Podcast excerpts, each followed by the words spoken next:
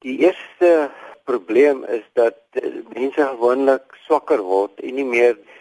die fisiese vermoëns het eh, en dikwels in 'n toestand kom waar hulle byvoorbeeld nie behoorlik na hulle self kan omsien nie. Hulle kan byvoorbeeld nie loop nie en hulle kan nie self gaan inkopies doen nie ensovoorts. Maar dan ook die feit dat hulle breinaktiwiteite agteruit gaan, hulle kognitiewe vermoëns, vermoëns om te onthou en vermoëns om dinge vir hulle self uit te dink en onafhanklik te dink word ernstig gekompromiteer. Nou wat was hierdie navorsing se hoofbevindings? Wel die studie bevind en dis nogal baie interessant oor so 'n tydperk van 4 jaar eksperimentele toetse gedoen tussen 2010 2013 waar hulle 250 bejaardes in Singapore geneem het wat ouer as 65 jaar was en gelykende studie gedoen tussen die mense wat uh, spesifiek fisies swak was en agteruit begin gaan het en die mense wat nie so was nie. En die hoofbevinding was byvoorbeeld dat mense wat meer oefening gekry het en meer aktief was, ook in terme van hulle brein, die breinaktiwiteite 8 keer meer die kans gehad het om nie agteruit te gaan in terme van hulle breinaktiwiteite nie.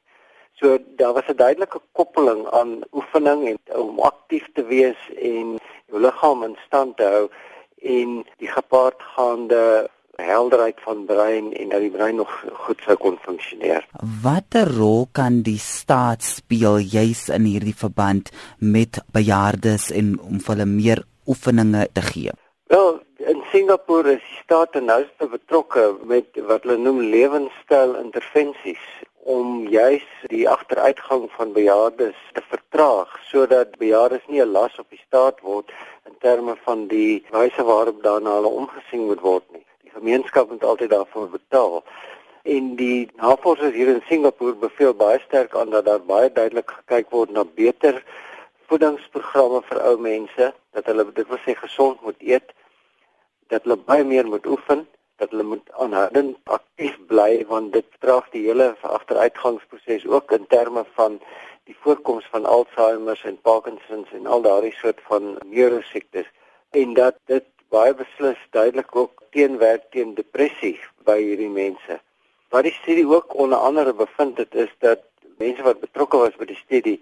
wat nie hierdie oefeninge gedoen het, wat nie behoorlik geëet het en hierdie kombinasie faktore teenwoordig was nie,